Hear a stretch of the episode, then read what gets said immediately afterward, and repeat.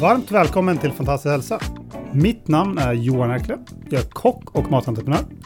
Och mitt namn är Cecilia Fürst och jag är specialistläkare i Sverige samt i Integrative och Functional Medicine i USA. Og jeg heter Nils Per Skåra. Jeg er performance coach, kostholdsveileder og idrettsutøver. Och med den här podcasten ska vi hjälpa och inspirera dig på vägen mot en fantastisk hälsa.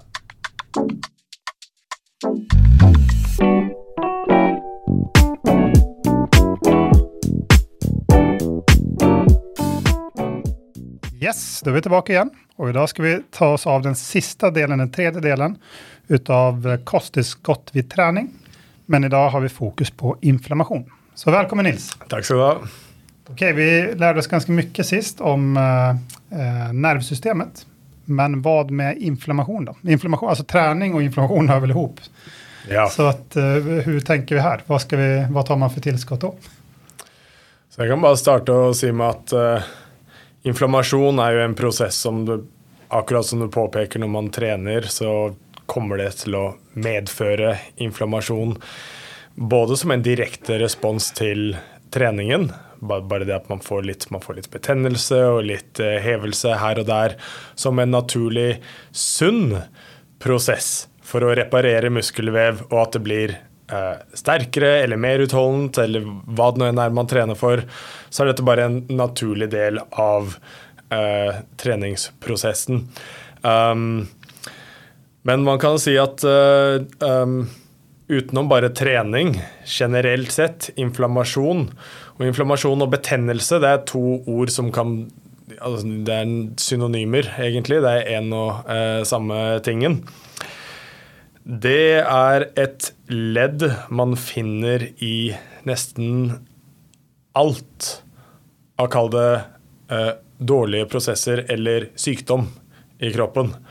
Hvis, hvis det er noe type sykdom, altså noe som regnes som patologisk eller dårlig for eh, helsen, så kan man være sikker på at det er inflammasjon involvert i den prosessen. Um, så alt man kan gjøre for å redusere inflammasjon Som sagt, um, man trenger inflammasjon for at immunforsvaret skal fungere optimalt. For at man skal kunne reparere sener og ledd og muskelfibre og alt mulig. Man, man trenger inflammasjon som en del av tilhelingsprosessen. Men man vil ikke at inflammasjon skal gå ut av kontroll. Man vil ikke at eh, det skal være for mye inflammasjon og at det tar overhånd. Fordi det er da man får skade og sykdom. Så kosttilskudd er én ting man kan benytte seg av for å være med på eh, redusere sjansen for at den inflammasjonen går ut av kontroll, men det er selvfølgelig eh, bare et lite ledd av en eh, større virkemidler man burde bruke for å kontrollere inflammasjon. Ja, vi har pratet ganske mye om inflammasjon Absolutt. tidligere, om det er kaldbad og det är är det ene eller det andra. Liksom, så at, Mm. eh, ja. Men ok, men kosttilskudd, da? Ja. For inflammasjon. Så jeg er nødt til å starte med et kosttilskudd som vi allerede har snakket mye om.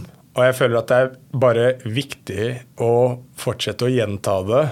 For man kan ikke underpresisere hvor viktig dette kosttilskuddet er. Og det er vitamin D3. Spesielt for oss som bor her i Norden. Kommer til å si de samme ordene som jeg har sagt før. For som sagt, viktig å repetere.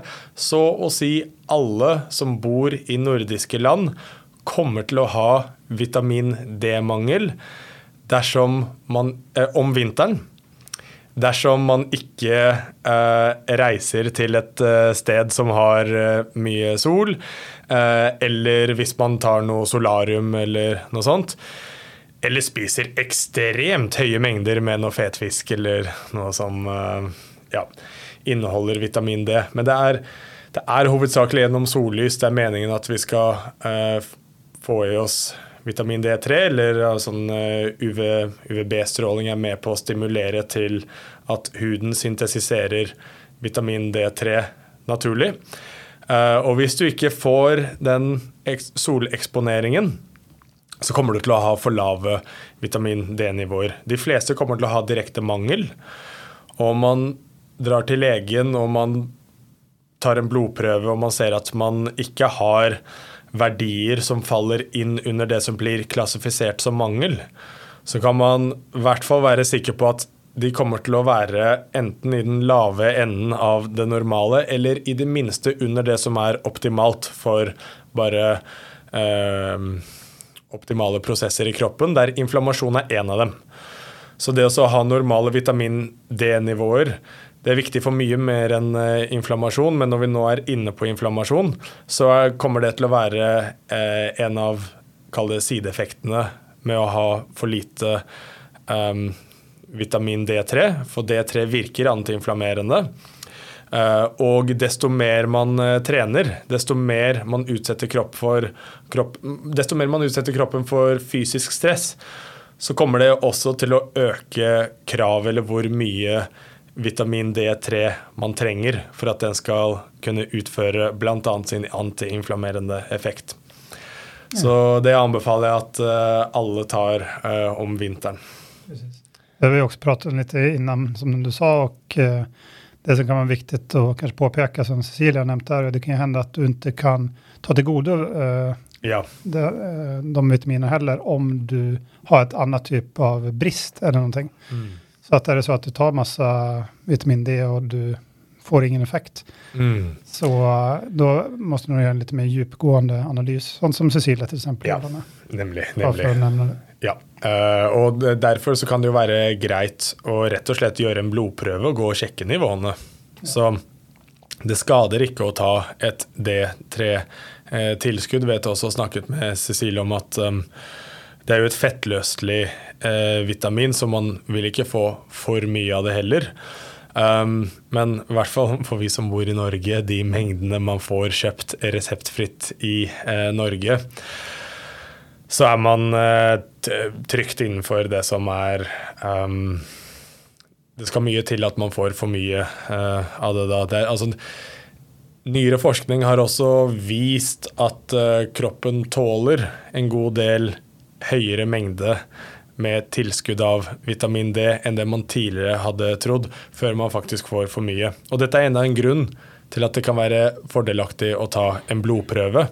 For da vil du se ganske tydelig om du Hvis du har for mye vitamin D, så vil jo det vise seg i den eh, blodprøven. Og hvis du har for lite, så uh, er det ikke Ja. Og, og, og, og disse referanseverdiene har jo blitt uh, skapt jeg tror ikke de har blitt oppdatert på uh, sånn 100 år eller noe sånt. Noen av dem ble oppdatert under andre verdenskrig, når man fikk data på folk som hadde sultet over flere år og, og visste hvilke mengder som var farlig for at man skulle kunne utvikle sykdom. Fordi man trenger ganske mye data for å kunne si noe håndfast om dette her. fordi det holder ikke at uh, noen personer kommer inn med mangel og sier at de er syke, men en ting som andre verdenskrig gjorde at det var ganske mange som var underernærte, og da kunne man studere de og vite at uh, under disse nivåene så blir man uh, syk. Og det er ganske um, Det er en ganske dårlig tilnærming å bruke nedre referanseverdier på å bli alvorlig eh, syk og hvilke referanseverdier som er optimale for optimal helse. Så her ser man at um, Jeg husker ikke den nøyaktige enheten som vitamin D normalt måles i. Jeg tror det er en sånn um, Ja Noe millimol per liter. 40 til 80 eller 40 til 120, tror jeg, er det som er referanseverdien i de fleste uh, blodprøvene man tar. Um, så hvis man har 50 f.eks., så vil ikke legen si noe engang. At den vil ikke kommentere at man har mangel, eller for den er innenfor det som er normalen. Men det er gjort en rekke studier som viser, um, i hvert fall med, med, tanke på inflammasjon, så er alt under 80 er suboptimalt. Og ikke bare for inflammasjon, men for hjertehelse også. Um, så man ser økt risiko for diverse sykdommer, og bl.a. hjerte- og karsykdommer, dersom man, hvis man har 50, f.eks., om man har det over lengre tid. Um, til og med hvis man har 70.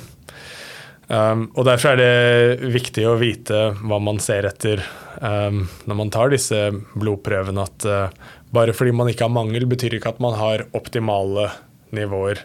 Uh, og det er som sagt så å si umulig, i hvert fall hvis man trener mye og man bor i et nordisk land og du ikke har noe soleksponering, så å si umulig å ha optimale vitamin D3-nivåer uten å ta uh, tilskudd. Vet du hvilken mengd som er liksom, Hva rekommenderer du? Jeg tror at Cecilie har nevnt det tidligere når vi pratet om kosttilskudd med henne. Ja. Men, eh, så, kommer ikke helt det. det er litt individuelt her. Ja. Jeg anbefaler minimum 2000 internasjonale enheter. Mm. Um, jeg mener at det er um, Skal jeg ikke si det 100 uh, eh, sikkert, men um, det er 40 mikrogram. Kan, eh, hvis jeg ikke tar helt feil. Ikke sjekk det. Bare sjekk vitamin D3, internasjonale enheter til eh, mikrogram. For det varierer litt hva det er oppgitt i på eh, forpakningen. Men eh, for de fleste så går det helt fint med høyere eh, mengder også. Det skal ikke være noe problem å ta opp mot 4000-5000 internasjonale enheter. Jeg vet at det er noen som tar 10 000 internasjonale enheter.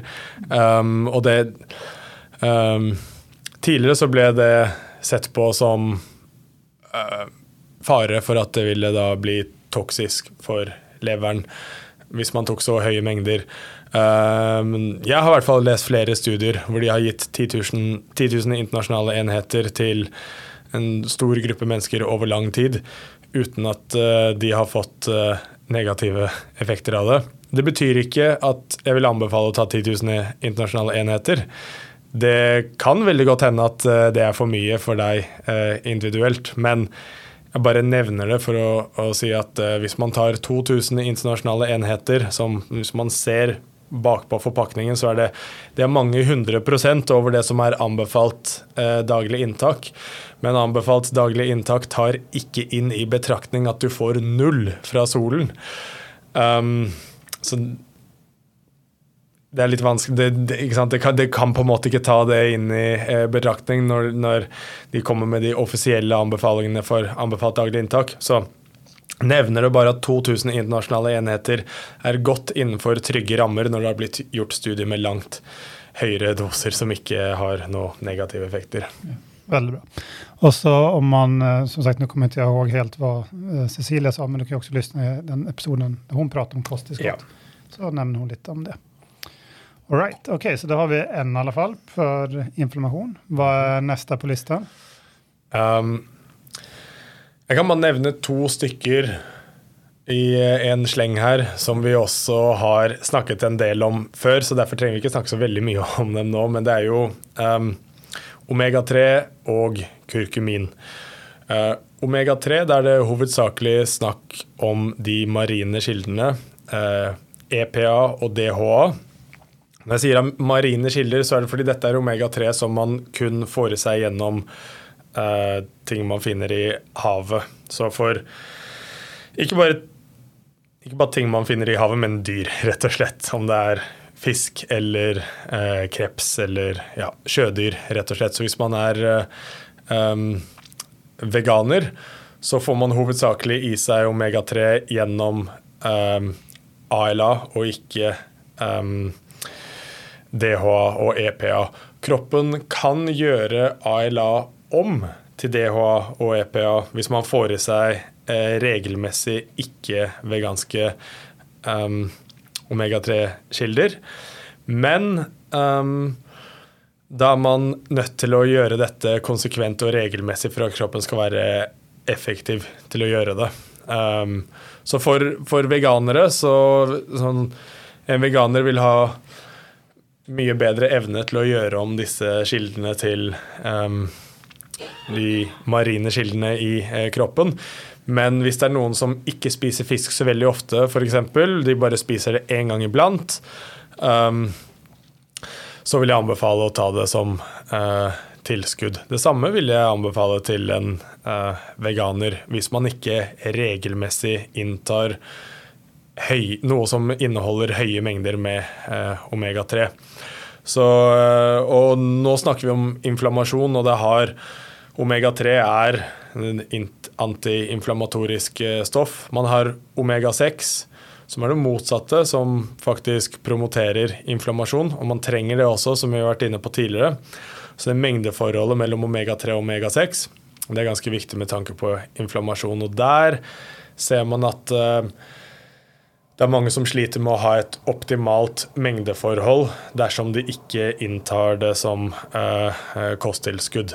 Men bare som referanse, hvis du spiser Si du spiser eh, fet fisk som laks tre-fire ganger i uka, minst, så er det ikke sikkert at du trenger å ta et omega-3-tilskudd for å ha en bra omega-3 til omega-6-balanse. Det kommer litt an på hvor Selv da så kan det hende, hvis man spiser veldig mye sånn høye mengder omega-6-skiller, masse konsentrerte plant planteoljer og diverse um, Kanskje man kan ha godt av det da også. Så jeg, jeg, anbefaler det egentlig for de fleste bare for å være safe. For det skal, det skal litt mye til å få for mye omega-3. Det kan skje, det også.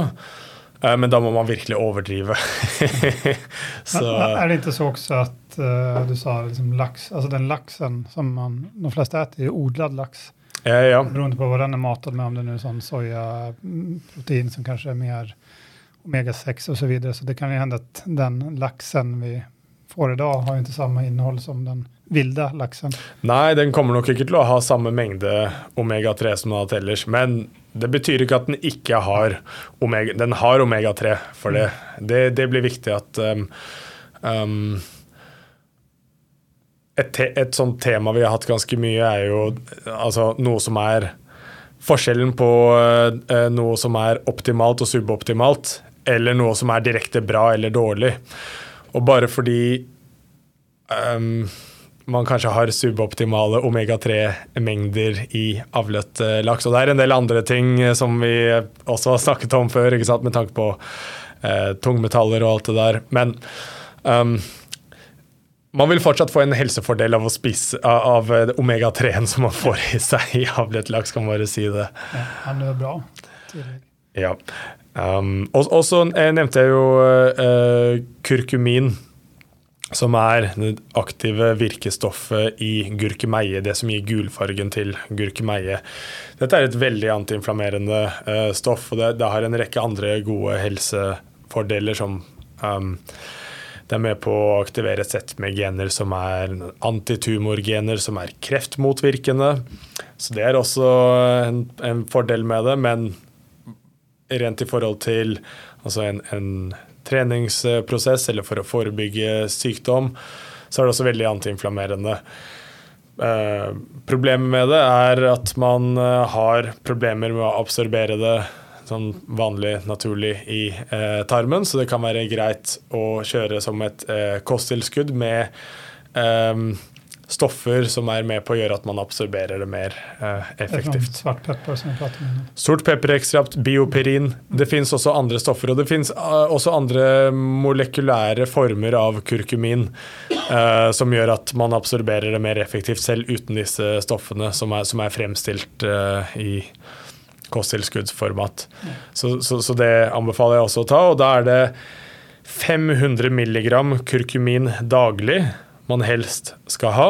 Og Da er det veldig viktig at man ikke blir forvirret om man ser at noe et kosttilskudd som inneholder eh, ett gram gurkemeie f.eks., og så er det kanskje bare en liten prosentandel kurkumin, og så er man ikke i nærheten å få i seg den mengden for at det skal ha en sånn ordentlig god antiinflammerende effekt, men det er tre-fire ganger billigere. ja, det kan man gjøre et sånn uh, tillegg her. For jeg, pratar, jag bruker jo lage en sånn shot innan. som jeg jag hadde. For jeg, jag gillar ju helst å ha det i naturlig form om det går. Ja. Eh, og så höll jeg på med den shoten ganske lenge. Jeg vil ha ut et recept på det her. Mm. Eh, men så märkte jag att jag reagerade på ettan till den där shotten, så gjorde jag litt lite tester hos Cecilia. Ja. Och då såg jag lite, lite tendensen till en sån histaminkänslighet. Å ja. Som mhm. är mycket till exempel i äppelcidervinäger och citron, som Ja. båda ingredienser jag hade i den shotten. Mhm. Så det jag har gjort då är att jeg jag har lagat det som en golden milk. Och det tycker jag, det är min morgonrutin. Och då, vi kom fram till sist när vi pratade om det här, Mm. det var att eh, 10 gram färsk gurkmeja så får du de 500, vad sa du, 500, Eh, minst 500. minst 500. Eh, altså minimum 500. Eh, ett gram er også bra. Eh, Okej, Nu kommer jag inte exakt ihåg om det var 500 eller om det var 700, men i alla fall det var over den mengden som, som du rekommenderer. jeg tipper at det vil være eh, ja, et sted mellom eh, de. Det kommer an på hva slags fersk gurkemeie det er også. Ja, Men ja. Jeg kjøper ekologisk sånn gurkmeja och Ja. så tar jeg det blander blandar med kardemumma, kanel och så 10-12 svartpepperkorn. Perfekt. Og så kjører jeg vatten og så varmt vatten. Eller jeg mikser det til en paste og på varmt vann. vatten. Och så litt MCT-olje. Og det er supernice. Så jeg vil bare liksom et litet naturlig naturligt her fra från min side. Så det er helt nydelig, og det er det jo bare å kjøre på med hvis man uh, hvis, man, uh, hvis man er villig til å gjøre hele prosessen som skal til for å gjøre Det det. tid. Det viktigste er at man får det i seg regelmessig. Så det det, det er der hele denne debatten med om kosttilskudd er nødvendig, om man kan gjøre det på naturlige måter og diverse eh, Hele eh, min tilnærming der er egentlig mest en sånn pragmatisk tilnærming med hva er det som skal til for at du faktisk kommer til å få det i deg regelmessig. Så det er, det er derfor jeg sier det, det med omega-3 f.eks., og folk sier at ah, man trenger ikke å ha tilskudd av det, man kan bare få det i seg gjennom kosten. Uh, ja, men kommer folk faktisk til å få i seg den mengden de trenger for å ha optimal helse eh, uten kosttilskudd? Har de eh, gjennomføringsevnen? Er de motivert til å gjøre det? Er det, trives de eh, med det? Og hvis svaret er nei, så er det ikke så vanskelig å bare ta eh, en spiseskje med noe hver dag eller noen piller. Um, eh, selv om det ikke er nødvendig, så har det fortsatt um, tilsvarende effekt. Så det, så det samme med gurkemeie. Folk sier ja, men kan man ikke bruke det i matlaging, og så bare passe på at man bruker pepper og Kanskje hvis du bor i India eller eh, Thailand eller noen sånne asiatiske land som, som bruker masse gurkemeie i sine curryer, og, og, og, og de- spiser det daglig og regelmessig. og eh, Kanskje da, men de fleste som bor, i hvert fall her i Norden, de hadde blitt matlei av, av den type mat hvis de skulle spist den mengden som trenger for at det skal ha en um, at, at det skal ha en ordentlig eh, effekt, da. Eh, at det skal ha en klinisk effekt, så er man nødt til å ha en viss mengde hver eneste dag. Og det er bare så mye lettere for de fleste å bare ha noen piller som de tar hver morgen. Det er bare en del av morgenrutinen. Så- är helt enig. For meg, så er det i og med at jeg ikke drikker kaffe och, och så, og så har det vært en utav mine eh, vaner og rutiner. Ja. Så jeg gjør det hver dag. Og, Og da tycker jag det är lite trevligt. Man skal ikke, det er akkurat det også, man skal ikke undervurdere hvilken effekt det har ehm, bare for uh, fra et helsebevissthetsperspektiv, når man går gjennom hele den prosessen som du går gjennom ved å lage den shoten, og du er bevisst på hvilken effekt dette her har for deg, så uh, nummer én har jeg veldig troen på at det kommer til å ha positive ringvirkninger på andre uh, helsevalg man gjør i hverdagen. Fordi du har faktisk dedikert en sånn stor del av eh, fokuset ditt og energi på noe som skal gjøre deg vel, og da går du ikke ut og bare gjør noe som motvirker det senere på dagen. Du har brukt tid på å lage en eh, sunn eh, shot, og så skal du bare ut og spise på McDonald's etterpå. Det passer ikke sammen. Men Kanskje for noen så kan det være litt lettere å tenke at ok, jeg tar en eh, pille, og da trenger jeg ikke, trenger ikke være like eh, flink på det jeg gjør ellers. Så går jeg og bare spiser noe usunt etterpå, så kan jeg ha god samvittighet for at jeg har tatt en pille. Der vil jeg bare påpeke at da virker det jo direkte mot sin egen hensikt å ta kosttilskudd. Fordi kosttilskuddene, de positive effektene man potensielt sett kan få av det, de blir veldig lett kansellert ut av um, destruktive effekter usunn mat kan ha ellers, eller bare andre usunne livsstilsvaner, altså bare med uh, røyking og alkohol og uh, lite søvn og slike ting. Jeg vil bare dele en ting ordentlig raskt med min uh, personlige erfaring når det gjelder akkurat dette her. Og det går jo på det at man uansett hva man gjør med disse tingene, så slipper man ikke unna det at man er nødt til å jobbe med det bevisste forholdet man har i forhold til hva man putter i seg. Og da vil jeg argumentere at fra et um, Fra et bevisst standpunkt så kan man også bruke kosttilskudd til å øke sannsynligheten for at man kommer til å gjøre gode eh, kosthold og livsstilsvalg eh, ellers. Um, man kan rett og slett oppnå det motsatte av argumentet folk bruker om at det å ta noe i pilleform gjør at man blir lat eh, og ikke eh, gjør gode valg ellers. Og det, det, kan jeg som sagt si av personlig erfaring at jeg vet at jeg har enkelte perioder hvor jeg kanskje trapper opp og bruker litt mer kosttilskudd enn jeg gjør ellers, og er veldig bevisst på hvorfor jeg gjør det. Og da bruker jeg ekstra penger på det. Jeg bruker ekstra tid. Det blir ganske mange piller som jeg tar, eh, faktisk. Og da er jeg veldig bevisst på at dette her er helt unødvendig at jeg gjør, med mindre jeg gjør ekstra gode valg ellers. Og da kan jeg si at min personlige erfaring er at jeg så å si alltid spiser ekstra sunt og er ekstra nøye med mine matrutiner i perioder hvor jeg tar ekstra kosttilskudd, fordi jeg har den bevisste tilnærmingen om at dette her er noe eh, som kun har en positiv effekt hvis jeg er flink på de andre tingene. Så det er, det er viktig at man setter ting i perspektiv. Er, jeg vil si at det er, det er, den korrekte, bevisste tilnærmingen å bruke et hvilket som helst kosttilskudd. Hvis ikke så er det bare bortkasta eh, bortkasta penger og eh, jobb for eh, lever og nyrer og fordøyelsessystemet. Ja, bra, bra poeng. All right, så hva går vi videre? Er det noe annet som er bra for mot inflammasjon? Um, vi nevner et tilskudd som vi var inne på i forrige episode når vi snakket om grønn te. Noe som finnes naturlig i grønn te. Uh, antioksidant som heter EGCG. Um, det er både antiinflammerende, men har også en rekke andre positive effekter. Det er positivt med tanke på insulinsensitivitet. Um, rett og slett hvor effektiv kroppen er å gjøre um, Å res respondere med å gjøre om uh, glukose i blodbanen, lagre det inn i muskler i stedet for uh, fett.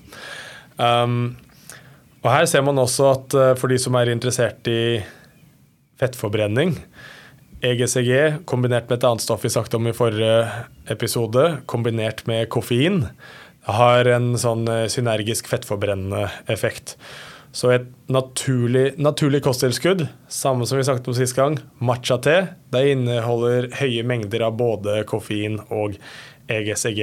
Men det er noe som man også kan ta i form av kosttilskudd hvis man ikke sånn, drikker grønn te, og kanskje hvis man ikke har lyst til å få i seg koffein, så kan man få i seg EGCG um, bare i eh, rent konsentrat med det har kanskje litt sånn rester av koffein fra grønn te, men det er ekstremt lave eh, mengder med det. da, For det er stort sett grønn te-ekstrakt det blir eh, tatt fra. da. Um, så jeg vil nevne det, og så vil jeg nevne um, et uh, stoff um, eller egentlig Før jeg nevner det stoffet, her, så kan jeg bare eh, nevne det at alle de tilskuddene vi snakker om nå, selv om vi har fokus på inflammasjon, så har de eh, hvis, det, har positive effekter på inflammasjon, så kommer det til å ha positive effekter på andre ting også. Om det er immunforsvaret, insulinsensitivitet. Flere av disse positive både helseeffektene, men også på fysisk og mental prestasjon. Så et av de tilskuddene er eh, koenzym Q10.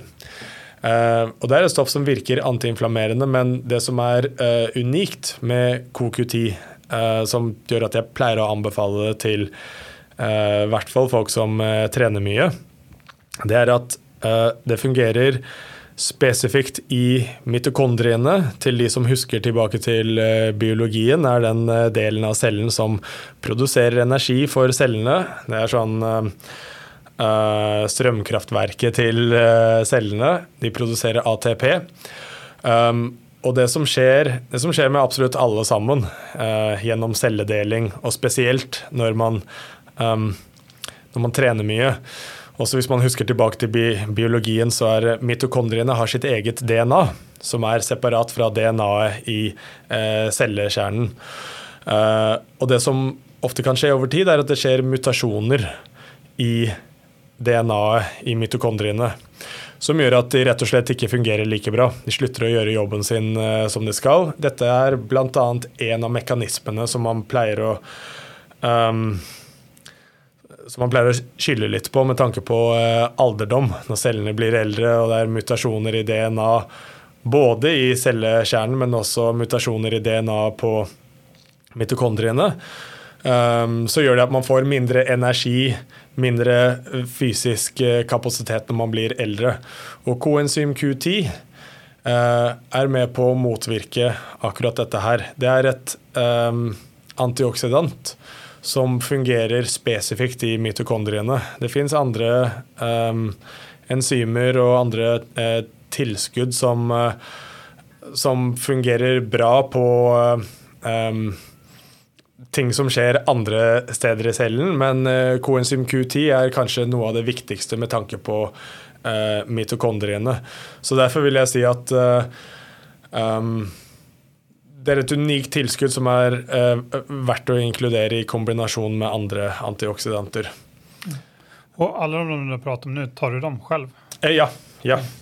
Eh, det gjør jeg, som sagt. Jeg, jeg har litt sånn eh, enkelte tilskudd som jeg, jeg bare Jeg har perioder hvor jeg tar ekstra mye tilskudd. Og som regel så gjør jeg det hvis jeg har en ekstra tung treningsperiode. Enten hvis jeg har en tung treningsperiode, eller hvis jeg av en eller annen grunn eh, ønsker å være i eh, kaloriunderskudd. Fordi det er krevende for kroppen. Så hvis, hvis jeg skal ned i vekt, eller hvis jeg sånn, får brenne ekstra fett, da trapper jeg opp hvor mye uh, kosttilskudd jeg bruker. Um, mest for immunforsvaret, men også andre, sånn som det vi snakker om nå, inflammasjon. Uh, og jeg pleier også å anbefale disse tilskuddene til uh, Det er enkelte grunnleggende tilskudd som jeg pleier å anbefale til uh, alle kundene mine, egentlig, alle klienter som jeg jobber med som har alle mulige slags forskjellige mål. Coenzym Q10 er ett av dem. jeg kan si De tre som jeg anbefaler til alle, er faktisk vitamin D3, kurkumin og coenzym Q10. Det er de tre jeg anbefaler til alle. Fordi de har såpass eh, generelle positive effekter eh, nesten uavhengig av hvilket eh, mål man har og hvor aktiv man er.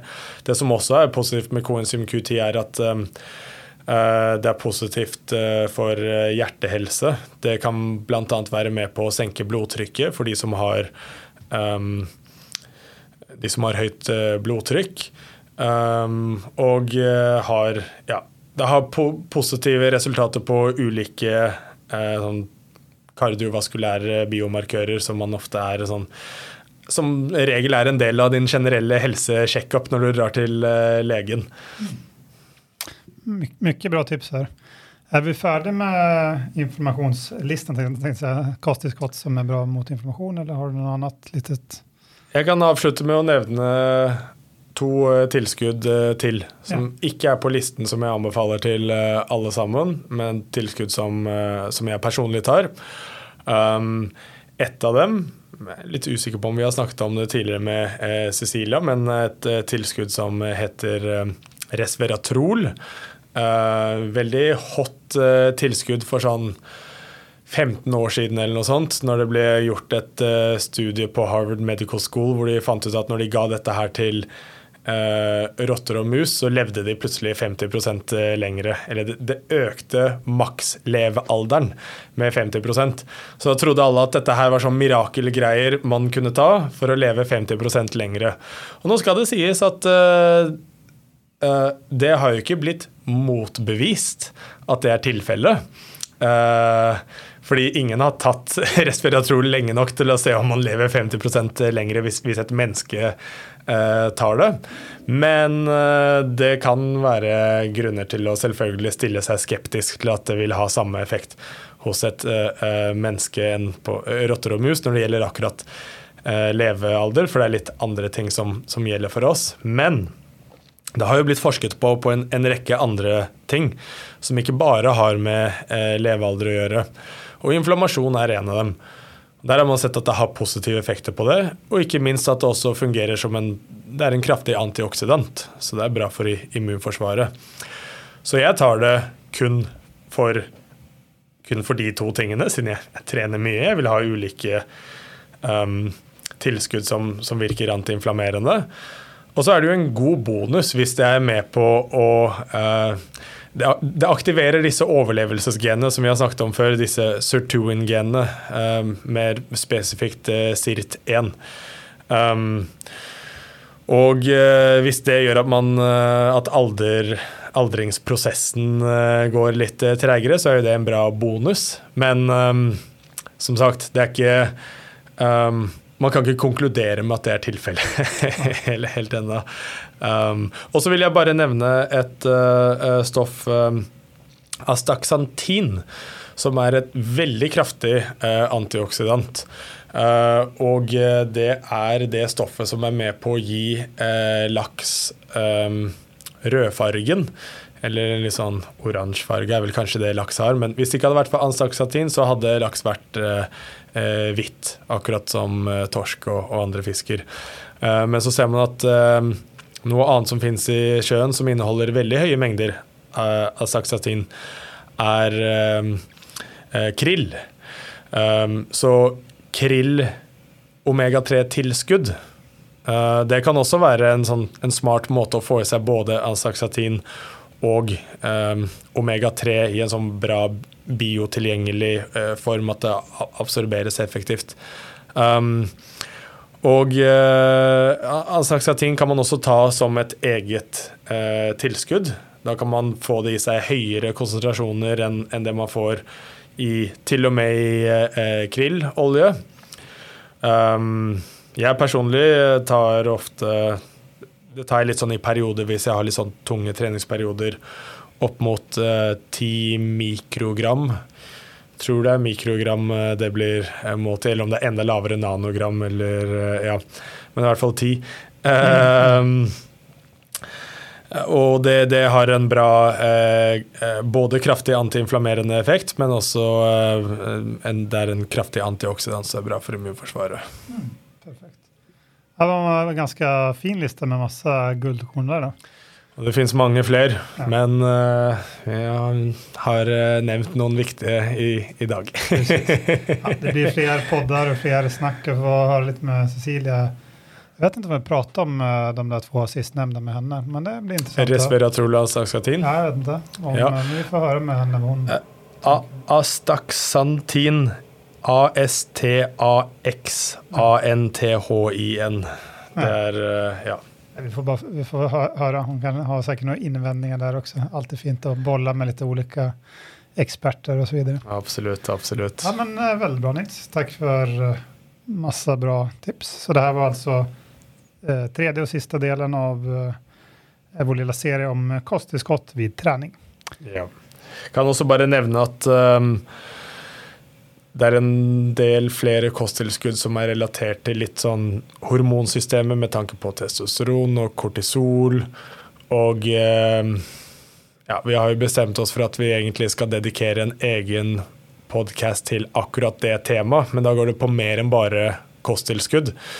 Men det betyr da at det er enkelte kosttilskudd som vi ikke snakket om nå, som vi kommer til å gå inn på når vi snakker om, eh, om det temaet. Precis, og da tenker vi da prater vi alle tre, for det har både du och Cecilia lite kunskap och tankar om. Mm. Så att det tar vi den eh, delen, vi håller på med en sån serie med fem delar om hormoner. Mm. Så den kommer med där. Ja, men väldigt bra. Då får jag tacka för idag Nils. Tack för en bra prat. Tack själv. Nästa vecka är vi tillbaka i vanlig ordning med en ny spännande område. Det får ni höra mer om då. Tack, tack. Tack för att du satte av tid og lyssna på vad vi hade att säga. Du kan följa med på vår hemsida fantastiskhälsa.com eller på vårt Instagram